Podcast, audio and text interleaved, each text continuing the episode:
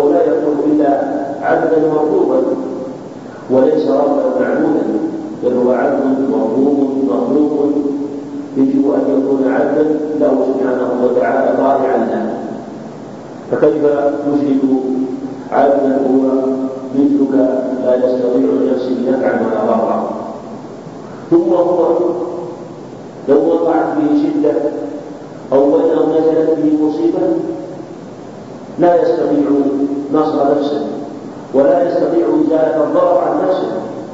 فكيف يزيله عن غيره فكيف تدعوه لكشف الضر وإزالة المرض وهو لا يستطيع أن يزيله عن نفسه؟ فمن كان لا يستطيع أن يدفع الضرر والضرر والمصيبة عن نفسه فكونه لا يستطيع الدفع عن غيره من أولى ثم بين سبحانه ثم بين وصلى رحمه الله بقوله تعالى والذين تدعون من دون الله ما يملكون من دونه إن تدعوهم لا يسمعون دعاءهم ولو سمعوا ما استجابوا لكم ويوم القيامة يكفرون بشرككم بين أنهم فقدوا شرطا من أعظم الشروط في من يكون ربا معبودا وهو الملك لا يملكون شيئا ما يملكون من تدبير بل الملك كله له سبحانه وتعالى فلا يملكون شيئا ولا ولا يجيبون داعيه اذا دعاهم لانهم اما انهم لا يسمعون ولا يعقلون بكونهم اصناما أو احجارا أو أنهم مشغولون بعبادة الله سبحانه وتعالى إن كانوا ملائكة أو أنهم في حياة مرغبية وهم مشغولون عما يدعوهم وليس في حاله كالأموات من الأنبياء. أو غيرهم ممن مات من الصالحين فإن هؤلاء لا يدفعون عن أنفسهم نفعا لا يحصلون انفسهم نفعا ولا يدفعون عن انفسهم ضررا. فكل هذه تبين أنه لا يجوز أن يدعوا من دون الله سبحانه وتعالى. وإذا عرف هذا تبين أن من دعا إنسانا ملكا دعا إنسانا نبيا أو صالحا فقد أشرك به دون الله سبحانه وتعالى وجعل له منزله غير المنزله التي أنزله الله اياها وقد بين النبي الكريم عليه الصلاة والسلام هذا الأمر عظيم البيان وأنه لا يجوز أن يرفع فوق منزله وحاله عليه الصلاة والسلام في جهاده مع أعدائه وفي كتابه وأعدائه هو هذا الحال. يستعين بربه ويسأل ربه وينهج إليه ويدعو ربه سبحانه وتعالى. في كل أحواله إذا أراد أن يدفع الضرر وأن يزيل ما به مما يؤذيه به المشركون يلجأ إلى ربه سبحانه وتعالى. لا يستطيع أن يدفع عن نفسه شيء وهو الرسول الكريم وهو خير الخلق وخير الوضع عليه الصلاة والسلام. إذا كان هو إذا نزل في مصيبة ونزلت به شدة لجأ إلى الله سبحانه وتعالى في كل أحواله.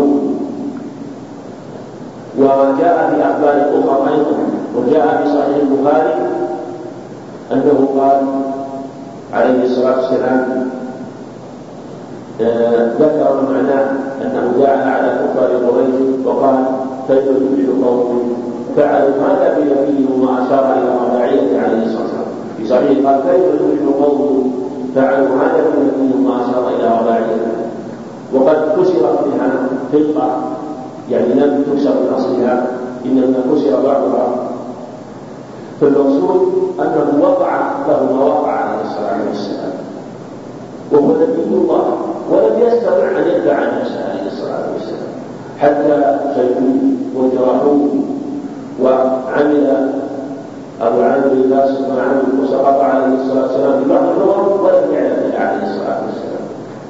لم يعلم بها ولم يدري حتى سقط به. فلو كان يعلم شيئا لعلم هذه.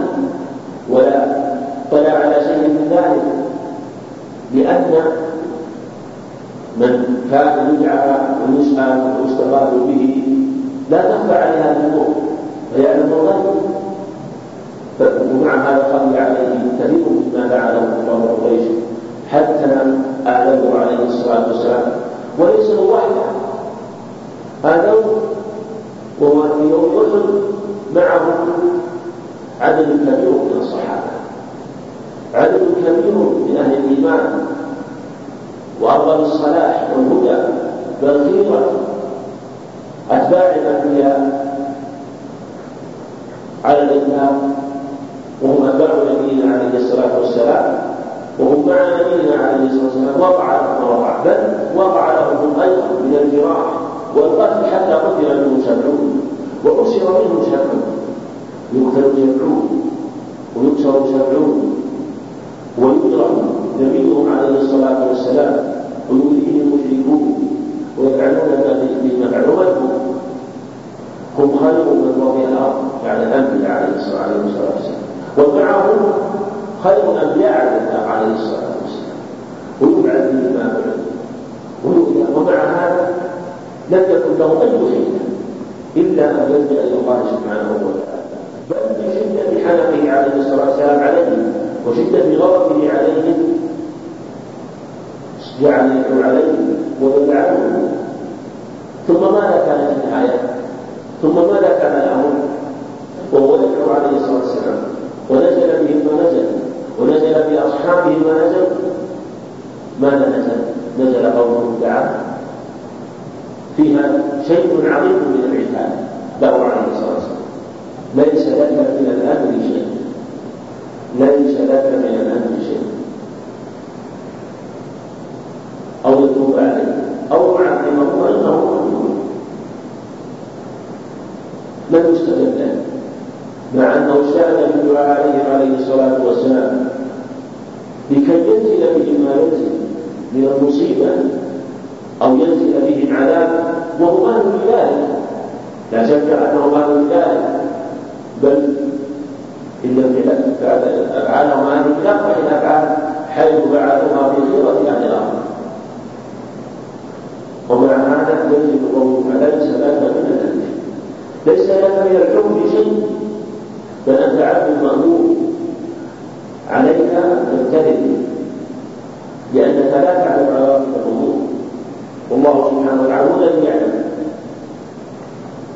ثم ذكر امورا مما يتوب عليهم في الدنيا بان يسلموا ويتوب الله عليه سبحانه وتعالى ويكفر عنهم شركهم وما وقعوا بل يكفر عنهم ما وقع منهم من الإيمان على رأسهم نبينا عليه الصلاة والسلام.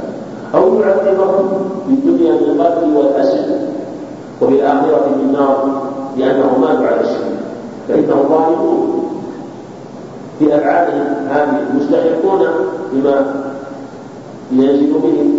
لكن كل ذلك ليس لك يا محمد يخاطبه الرب وليس لك من ذلك شيء إنما هو غير الله سبحانه وتعالى.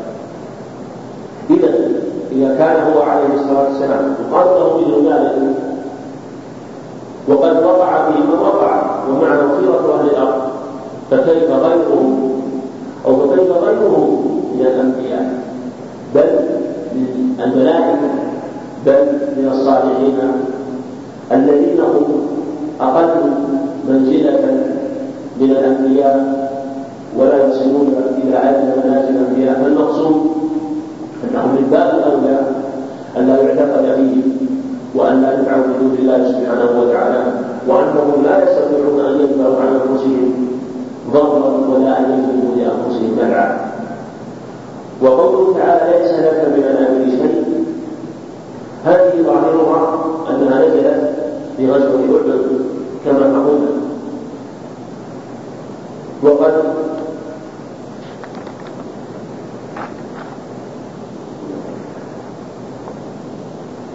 وتعالى وتأتي حديث ابن عمر وتأتي حديث ابن عمر أيضا قال وفيه عن ابن عمر رضي الله عنهما يذكر الكلام عليه حديث ابن عمر وفيه عن ابن عمر يعني في صحيح البخاري أنه سمع رسول الله صلى الله عليه وسلم يقول إذا رفع رأسه من الراكعة الأخيرة إلى الفجر اللهم لعن فلانا وفلانا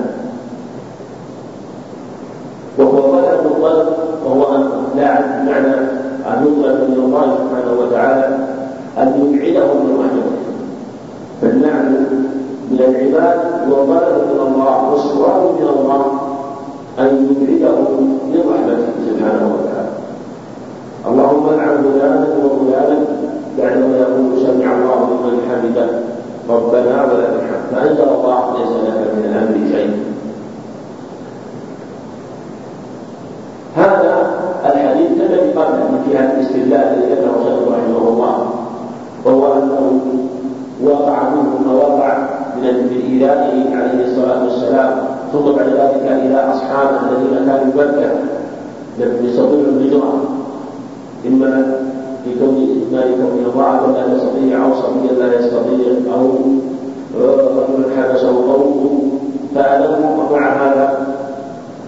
لما قال عليه الله عن فلان وفلان نزل قوله تعالى ليس لك من أبي شيء. فهذا يبين ما دل عليه السابق وأن النفع والضر بيده سبحانه وتعالى وأن العباد ليس له من الأمر شيء. إذا كان النبي عليه الصلاة ليس له من الأمر شيء فسائر الخلق من الأنبياء والصالحين ليس له من الأمر شيء من باب أولى وهذه الآية ظاهرها أنها نزلت في الأمرين جميعا. وقد اختلف الشراح في هذا وقد اختلف كلام حافظ الحجر في هذا وحصل فيه نوع من الاضطراب لكن ما آه، ذكره وقرره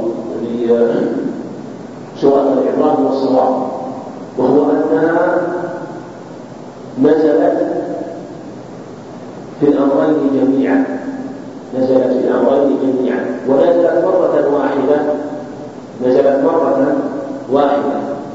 ذكر بعض المواضع نزلت في أحد لكن الأظهر أنها نزلت متأخرة بعد غزوة أحد.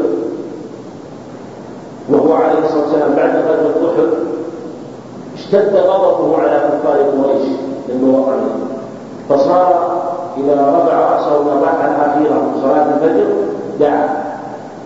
فبعدها بقليل بعد عهد صار يعني بعدها بقليل بعد ما صار يدعو على قريش نزل ليس لك من الأمر شيء لا في شأن أحد وما وقع لك ولا في شأن هؤلاء الكفار. سهيل بن عمرو وصفوان بن أمية والحارث بن هشام. فليس لك من الأمر شيء فعلى هذا تكون نزلت مرة واحدة. وهو عليه الصلاة والسلام كان يجعل كفار قريش. أو بعض كفار قريش الذين كانوا يكونون ولدون أصحابه في مكة فبعد أحد صار يدعو ويدعو عليهم ويعلم عليهم الصلاة فنزل قوله تعالى ليس لك من الأمر شيء وجاء في حديث رواه البخاري أنه هذه الآية نزلت في شأن رعل والأكوان العصية وأن صار يدعو عليهم أنهم قتلوا القراء فنزل قوله تعالى ليس لك من الأمر شيء لكن الصواب في هذا رواية مسلم. لأن رواية البخاري هذه وقوله فنزل قوله تعالى ليس لك من شيء الصواب أنها مضمنة وقد بين مسلم صحيح أن هذا من كلام الزهري قال وبلغنا الزهري أنه نزل قوله تعالى ليس لك من شيء وظهر رواية البخاري أنها كلها مع الحديث كلام هريرة وأنه حكاها عن الواقع في حياة عليه الصلاة والسلام. لكن الصواب أنها من بلاغات الزهري وأنها مرسلة وعلى هذا لأن قصة العلم والأكوان بعد ذلك تتأخر فالأظهر قد الصواب أنها نزلت قبل ذلك وأنها في هذين الأمرين جميعا. وفي رواية إنها متأخرة متأخرة بمدة ذلك وفي رواية يدعو على صفوان بن أمية وسهيل بن عمرو والحارث بن أبي ليس لك شيء هذه الرواية ذكرها البخاري معلقة مرسلة. وقال الحافظ إنها متصلة بالسند اللي قبله والظاهر والأظهر من يعني من طريقة البخاري أنها ليست متصلة بها معلقة لأن السند ذكر اتصال الذي قبله في نظر. فهي تكون معلقة وموصى لأنها برواية السعد وقد ذكر أحمد رحمه الله متصلة من طريق الله بن حمد العمري آه، عن من طريق سالم يعني. ممكن بمجموع طريقين يكون آه، تكون هذه الرواية الحسن لغيره. والمقصود المقصود من اصل القصة ثابت ولا إشكال فيه. لكن القصد في تعيين هؤلاء الأشخاص أنهم فلان وفلان ثم بعد ذلك ظهر الامر وتبين حتى تاب الله على هؤلاء واسلموا وصاروا عودة أهل الإسلام ورزقا لأهل الإسلام وقوة لهم في الدعوة إلى الله سبحانه وتعالى وفي قتال أهل الشرك والكفر فكان فيه نفع عظيم لأهل الإيمان. وفيه عن أبي هريرة يعني في الصحيحين هو الحديث عن الصحيحين عن ابي هريره رضي الله عنه قال قال رسول الله صلى الله عليه وسلم في امري عليه وأنذر عشيرتك الأقربين فقال يا معشر قريش أو كلمه نحوها اشتروا انفسكم لا اغني من الله شيئا يا عباس بن عبد المطلب لا اغني من شيئا يا صفي عمة عمة رسول الله صلى الله عليه وسلم لا عنكم شيئا ويا فاطمة بنت محمد سبيل ما يؤجر لا اغني عنكم من الله شيئا هذا الحديث هو متفق عليه وقد اتفق عليه اتفق على من حديث ابن عباس وقد رواه مسلم أيضا عن عائشه مخالف وزهير بن عمرو جميعا فكل واتفق عليه من حديث أبي هريرة وابن عباس وروى مسلم عن ثلاثة من الصحابة. والروايات متقاربه وهذا الحديث فيه ما سبق وهو أنه عليه الصلاة والسلام لا شيئا عنه إذا كان عليه الصلاة والسلام لا يغني عن أقرب الناس إليه عمه وعمته وابنته فغيره من الناس من باب أولى أيضا فبين أنه لا ينفعه إلا العمل الصالح وأنه لا يدفع عنه شيئا ولا يستطيع وأنه لا يدفع قربه منه. بل عليهم أن يجتهدوا وأن يجدوا في تحسين العمل الذي ينفعه في ذلك اليوم العظيم يوم لا ينفع مال ولا بنون إلا ما أتى بقلب سليم حتى ذكر عباس وذكر صفية وذكر فاطمة. قال سليم من مال لا شيء لا غنى عنك بيد الله شيء. يمكن إن كنت تريدين المال فأعطيك أما غيره فإن فإني لا أستطيع شيئا من ذلك. وهو عليه الصلاة والسلام يشفع وله شفاعة يوم القيامة وينفع لكن هذه الشفاعة كلها فضل منه سبحانه وتعالى. ليست منه ابتداء عليه الصلاة والسلام بل هي فضل منه سبحانه وتعالى. فهو الذي تفضل بها على عبده ورسوله محمد عليه الصلاة والسلام. وهو الذي أذن له بالشفاعة. ففيه بقول لا عن عنكم شيئا فيه بيان أو المبالغة في أنه يجب على العبد أن يحترم في ذلك المقام العظيم وخاصة إذا كان موقع المقام مقام تحليل فإنه يسوء في مثل هذا الكلام وإن كان عليه الصلاة والسلام ينفع بالأسباب التي يعطيه إياه يعطيه الله إياها من الشفاعة يوم القيامة وفي رفعة درجات قوم آخرين. إلى غير ذلك مما يقع له من الكرامات في ذلك المقام العظيم باب الشفاعة. وقول الله عز وجل وأنذر به الذين يخافون أن يحشروا إلى ربهم ليس لهم من دونه ولي ولا شفيع.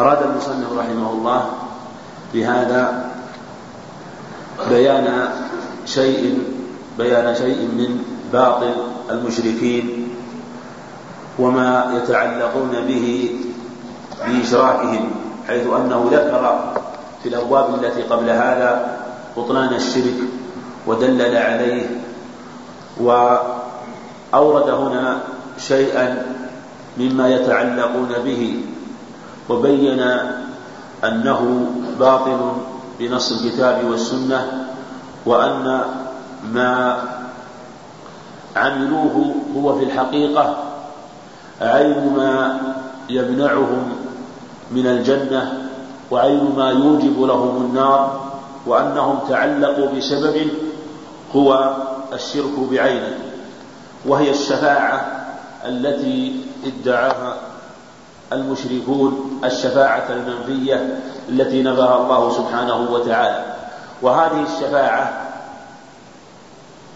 وهذه الشفاعة هي الشفاعة التي يظن المشركون أن المشفوع أن الشافع يؤثر في المشفوع ويجعله فاعلا قبل أن قبل وكان قبل ذلك لا يريد أن يفعل ولا يريد أن يشفع أو أن يشفع الشافع.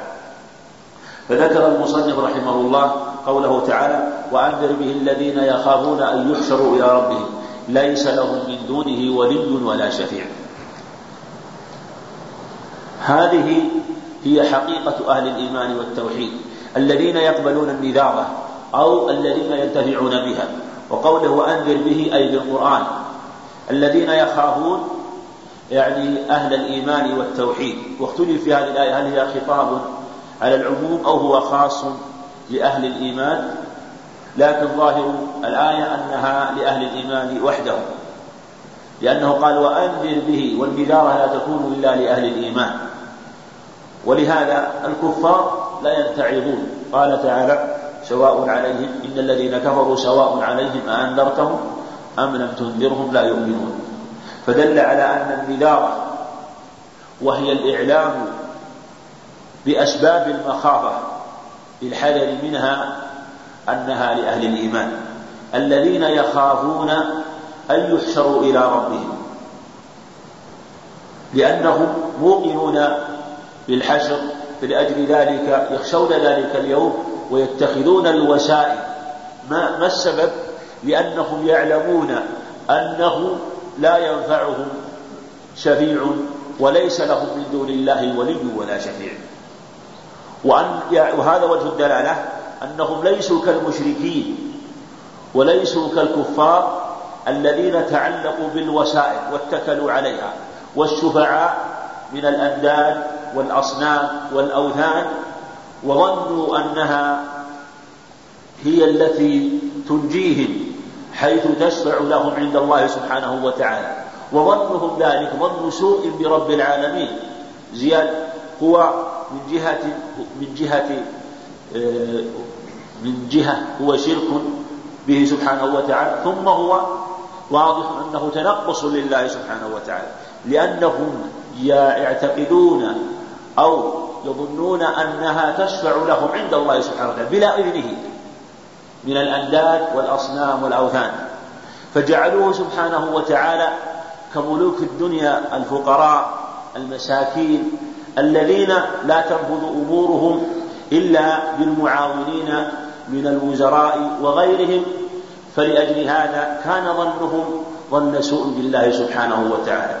فإنه سبحانه وتعالى أغنى الأغنياء وهو ملك الملوك لا يحتاج إلى وزير. ولا عويل فينفذ ما يشاء سبحانه وتعالى بلا أعوان ولا وزراء على عكس ملوك الدنيا الذين لا تنفذ أمورهم ولا حاجاتهم إلا بالأعوان والوزراء. فمن ظن هذا الظن من من الكفار والمشركين فقد ظن به ظن السوء سبحانه وتعالى. أما أهل الإيمان وأهل الإخلاص وأهل التوحيد فإنهم اعتقادهم أنه ليس لهم من دون الله ولي ولا شيء وهنا يعني حالهم هذا هو المراد. أن حالهم وهم خائفون منه سبحانه وتعالى حال أو, أو وهم خائفون ذلك اليوم حال من ليس له من, من يظن أنه ليس له من دون الله ولي ولا شفيع. وليس معنى ذلك هو انتفاء الشفاعة مطلقا لا. المراد أنه ليس هناك ولي ولا شفيع. إلا أن يكون بإذنه سبحانه وتعالى ومن بعد أمره ومن بعد رضاه عن المشفوع له وهو سبحانه وتعالى لا يرضى إلا التوحيد. ولهذا ذكر المصنف بعدها قوله تعالى آية تبين أن الشفاعة ثابتة وأنها حق. في الآية الأولى فيها إشارة إلى شفاعة المشركين. الباطلة المنفية التي هي نوع إدلال على الله سبحانه وتعالى. وأن الشافع يشبه من يلزم من يشفع عنده لكي وهو بهذا يؤثر في المشفوع إليه فلا يستطيع رد أمره فأخبر في الآية التي بعدها أن أن الشفاعة له سبحانه وتعالى. قل لله الشفاعة جميعا. له ملك السماوات ثم إليه ترجعون. قل لله. يعني أنها ليست لغيره. وهذا يدل على اختصاصها بها سبحانه وتعالى دون غيره. وقدم الجار والمجرور وأخر آه، آه، قوله تعالى قل لله الشفاعة جميعا. الشفاعة. فتقديم الجار والمجرور هنا يدل على الاختصاص وأنها مختصة بها به سبحانه وتعالى وأخر المبتدأ فالمقصود أنها أنها خاصة بالله سبحانه وتعالى وليست لغيره. قل لله الشفاعة جميعا. قوله جميعا تأكيد يدل على أن جميع أنواع الشفاعة له سبحانه وتعالى وأن من يشفع عنده لا يكون إلا من بعد إذنه سبحانه وتعالى ورضاه عن المشروع ثم ذكر قوله تعالى وكم من ملك في السماوات لا تغني شفاعتهم شيئا إلا من بعد أن يأذن الله لمن يشاء ويرضى. في هذا إشارة. نعم. نعم. وقوله نعم. وقوله من ذا الذي يشفع عنده إلا بإذنه. من ذا الذي يشفع عنده. هذا استفهام إنكار يعني لا أحد يستطيع أن يشفع عنده سبحانه وتعالى إلا بإذنه. بعد أن يأذن سبحانه وتعالى بمن يشفع ولا يأذن إلا لخصوص أناس من الأنبياء وغيرهم إلا بإذنه ولا يأذن للشافع أن يشفع إلا لأهل التوحيد. كما في قوله تعالى وكم من ملك في السماوات لا تغني شفاعتهم شيئا إلا من بعد أن يأذن الله لمن يشاء ويرضى. وهذه في هذه الآية ذكر شرطين للشفاعة. وفيها إشارة إلى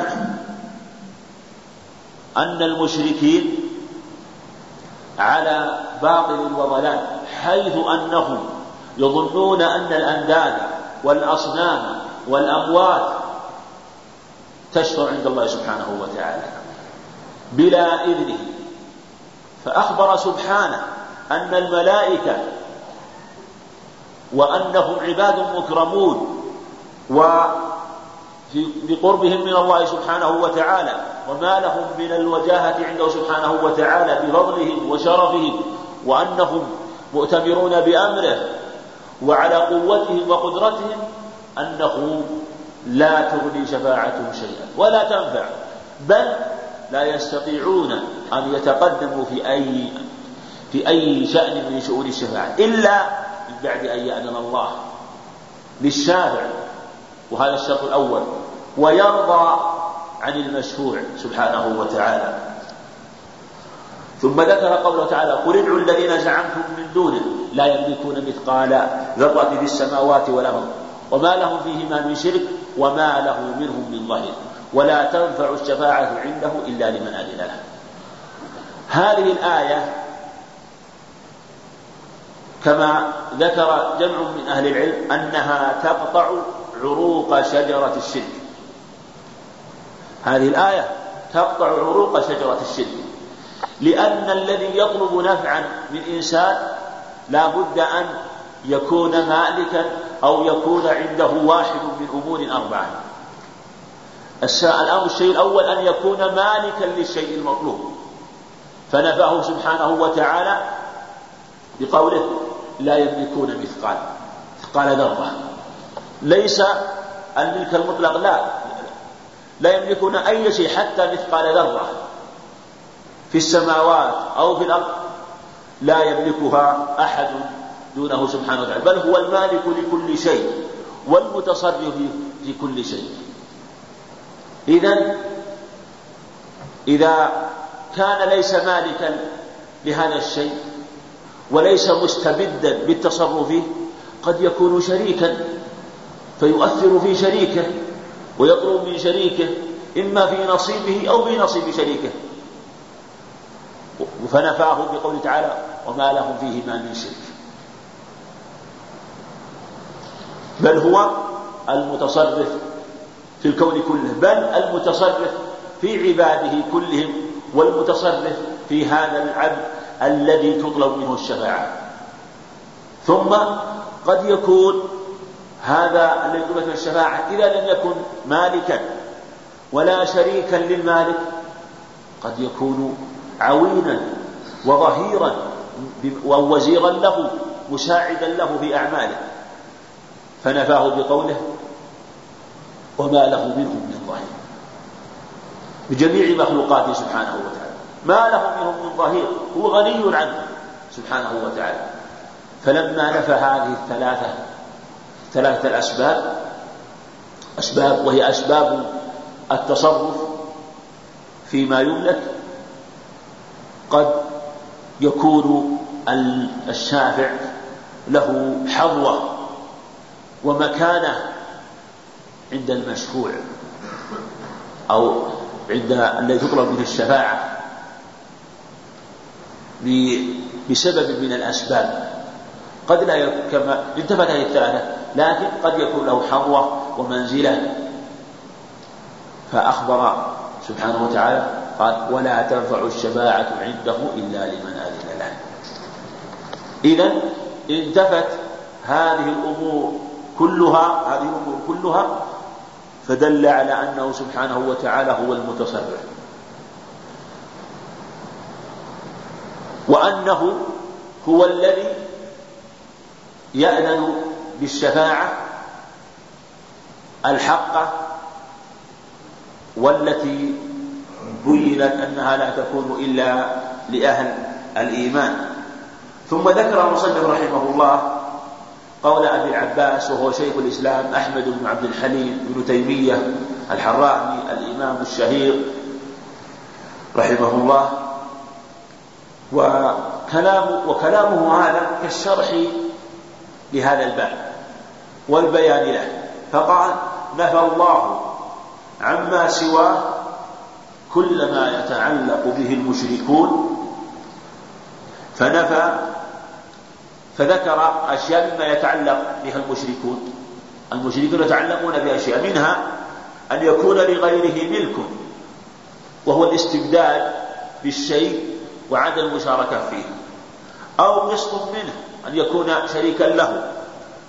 هذا الثاني. الثالث أو يكون عونا له. عونا له وزيرا أو معاونا أو ما أشبه ذلك. ولم هذه الثلاثة ثم بعد ذلك قال ولم يبق إلا الشفاعة. فبين يعني سبحانه وتعالى أنها لا تنفع هذه الشفاعة إلا لمن أذن له الرب. إذا هي لا تكون شفاعة مقبولة إلا بعد إذنه سبحانه وتعالى. كما قال ولا يشفعون إلا لمن ارتضى لا يطلبون الشفاعة ولا يتقدمون بطلبها إلا لمن ارتضى سبحانه وتعالى وهو لا يرضى إلا التوحيد من أهل التوحيد. فهذه الشفاعة التي يظنها المشركون وهي الشفاعة الباطلة وهي أن الشافع يؤثر في المشفوع. بطلبه الشفاعة. وهذه الشفاعة التي يظنها المشركون هي كما سبق شفاعة كشفاعة أهل الدنيا بعضهم لبعض. ظنوا أنها تطلب منه سبحانه وتعالى كالشفاعة للكبار من الملوك والأمراء وغيرهم. ظنوها فيها سبحانه وتعالى. وقد تكون الشفاعة من الأعلى يعني قد تكون الشفاعة من الأعلى للأدنى وقد تكون من الأدنى إلى الأعلى وقد تكون من المساوي للمساوي. كلها شفاعة لكنها في الغالب أنها تكون من الأدنى للأعلى. وقد تكون بواحد من الأمور من من الأمرين الآخرين أيضا. فالمشركون ظنوا هذه الشفاعة وأنها تكون يوم القيامة فنفاها سبحانه وتعالى. فهذه الشفاعة التي يظنها المشركون هي منتفية يوم القيامة كما نفاها القرآن. وأخبر النبي صلى الله عليه وسلم أنه يأتي فيسجد لربه ويحمده لا يبدأ بالشفاعة أولا ثم يقال له ارفع رأسك وقل يسمع وسأل تعطى. واشفع تشفع. فهذه الشفاعة كما أخبر مسلم رحمه نفاها الله سبحانه وتعالى. في عدة آيات كقوله تعالى فما تنفعه شفاعة الشافعين. والرسول عليه الصلاة والسلام كما ذكر مسلم رحمه الله إذا أتى لطلب الشفاعة يسجد لله سبحانه وتعالى. إذا رأى ربه سجد هذا أول ما يفعل لا يتقدم ولا يسأل ولا يستأذن بالشفاعة أولا أول ما يفعل يسجد له سبحانه وتعالى. ثم يا كما في الحديث وقد ارفع رأسك وسأل تعطى واشفع تشفع أو ارفع رأسك وقل يسمع وسأل تعطى واشفع تشفع. وجاء وهذه الجملة لها تفاصيل كثيرة ذكرها أهل العلم في الشفاعة. وفيها مباحث كثيرة هذه المسائل ومباحث شريفة بينها أهل العلم في كتب التوحيد والعقيدة. لكن أشار المصنف رحمه الله إلى شيء منها. وقال أبو هريرة من أسعد الناس بشفاعتك؟ قال من قال لا إله إلا الله مخلصا من قلبه وفي لفظ من نفسه. وهذا الحديث في صحيح البخاري وغيره يبين مخلصا وخالصا في الصحيحين أو في صحيح البخاري مخلصا. وخالصا أيضا كلها وردت. فهذه الشفاعة هي أو أسعد الناس بها من قال لا إله إلا الله خالصا من قلبه. والرسول عليه الصلاة والسلام له شفاعات كثيرة أو له شفاعات في ذلك المقام أعظمها وأكبرها والتي اختص بها وأجمع عليها وأجمع العلم أنها من خصائصه عليه الصلاة والسلام هي شفاعته بتخليص الناس من كرب ذلك اليوم لكي يفصل بينهم فيقضى بينهم ويحاسبون. هذه هي الشفاعة. ثم له شفاعات أخرى عليه الصلاة والسلام الشفاعة في الإذن لأهل الجنة أن يدخلوا الجنة وأن يفتح لهم باب الجنة. وهذه أيضا من الشفاعات الكبار التي أسعد الناس بها من سبق إلى الجنة ودخل إليها مع أول الداخلين حينما يؤذن لأهل الجنة. وكذلك شفاعات كثيرة ليست خاصة به عليه الصلاة والسلام بل له ولغيره وفي شفاعة فيها وفي شفاعة ذلك شفاعة اتفق عليها أهل السنة وقال فيها المعتزلة والخوارج وهي الشفاعة في العصاة الذين يدخلون النار وهذه أجمع عليها العلم وتواترت بها الأخبار عنه عليه الصلاة والسلام.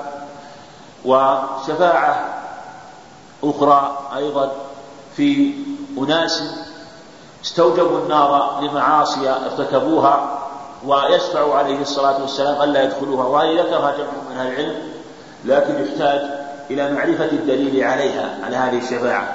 وشفاعة أيضا في أناس دخلوا الجنة فيشفع فيهم عليه الصلاة والسلام أن يرفعوا في منازلهم.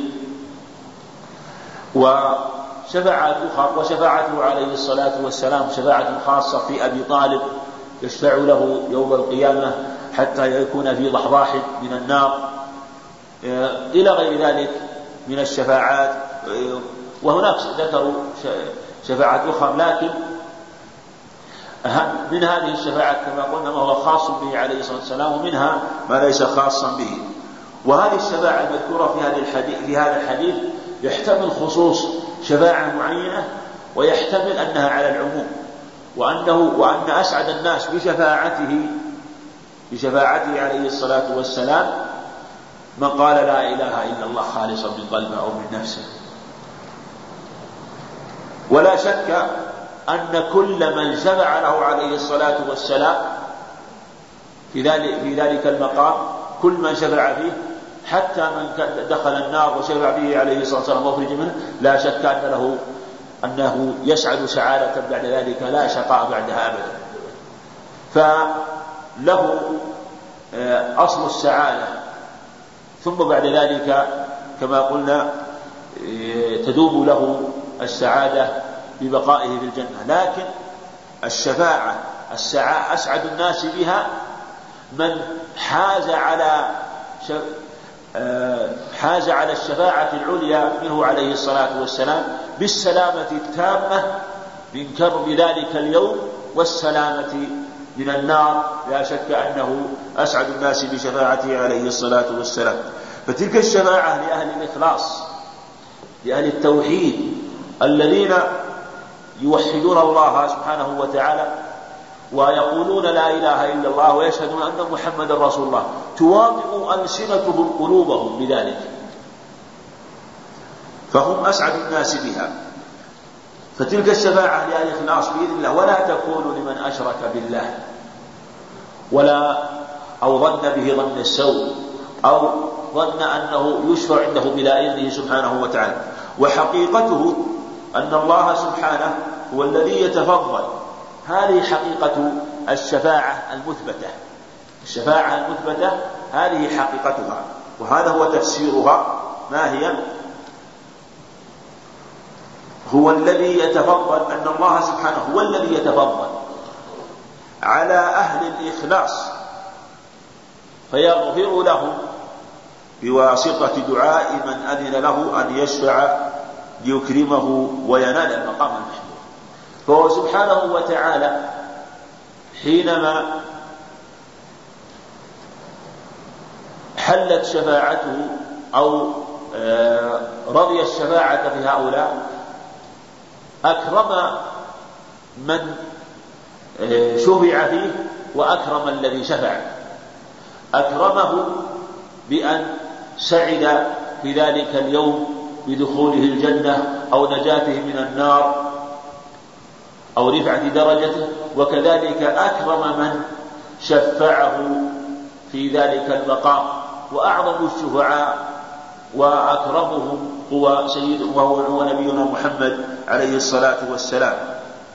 ولأجل هذا له المقام المحمود في ذلك المقام العظيم. فالشفاعة التي نفاها القرآن ما كان فيها شرك كشفاعة المشركين. ولهذا أثبت الشفاعة بإذنه في مواضع. وهذه هي الشفاعة التي لأهل التوحيد. وقد بين النبي صلى الله عليه وسلم أنها لا تكون إلا لأهل التوحيد والإخلاص. انتهى كلامه.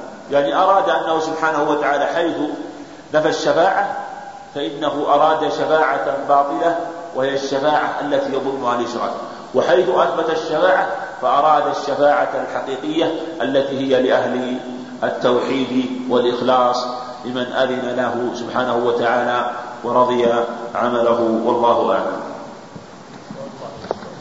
نعم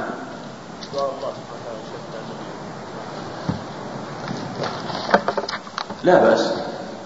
يعني يطلبه يطلبه يسأل من الله سبحانه وتعالى أن يكون النبي عليه السلام داعيا له وأن يكون شفيعا له. فكلنا نسأل شفاعته عليه نسأله عليه نسأل شفاعته عليه السلام وأن ندخل في شفاعته. ولأجل هذا قال في نفس الحديث قال حلت عليه الشفاعة. أو حلت له شفاعة فهي مطلوبة. من سأل الله لي الوسيلة حلت عليه الشفاعة. فهذا هو سبب حصول الشفاعة وهو بهذه الأدعية وما أشبهها. لكن يعلم مثلا حينما قال عليه الصلاة والسلام حلت عليه الشفاعة لا شك أن الدعاء هذا من أسباب حصول الشفاعة. لكن كلمة التوحيد والإخلاص أعظم من هذا الدعاء. في طلب حصول الشفاعة. يعني أسباب حصول شفاعته عليه الصلاة والسلام ليست منحصرة بشيء معين. لا اتباعه عليه الصلاة والسلام من أعظم الوسائل في حصول شفاعته. وكلمة الإخلاص أعظم وأعظم. ولأجل هذا في كلمة الإخلاص قال أسعد الناس. شوف انظر لما قال أبو هريرة يقول من أسعد الناس بشفاعتك؟ من أسعد الناس بشفاعتك؟ إما المراد أنه من أعظمهم سعادة أو من هو السعيد أو من هو السعيد بشفاعتك أو من هو أسعد على بابها على صيغة التفضيل وهذا أظهر أنه من أعظمهم سعادة لأنهم في ذلك المقام يتفاضلون في شفاعته فبعضهم أسعد بالشفاعة من بعض وبعضهم يحصل الشفاعة العليا منه عليه الصلاة والسلام. فأخبر أن أسعد الناس بشفاعته من قال لا إله إلا الله خالصا من نفسه أو من قلبه.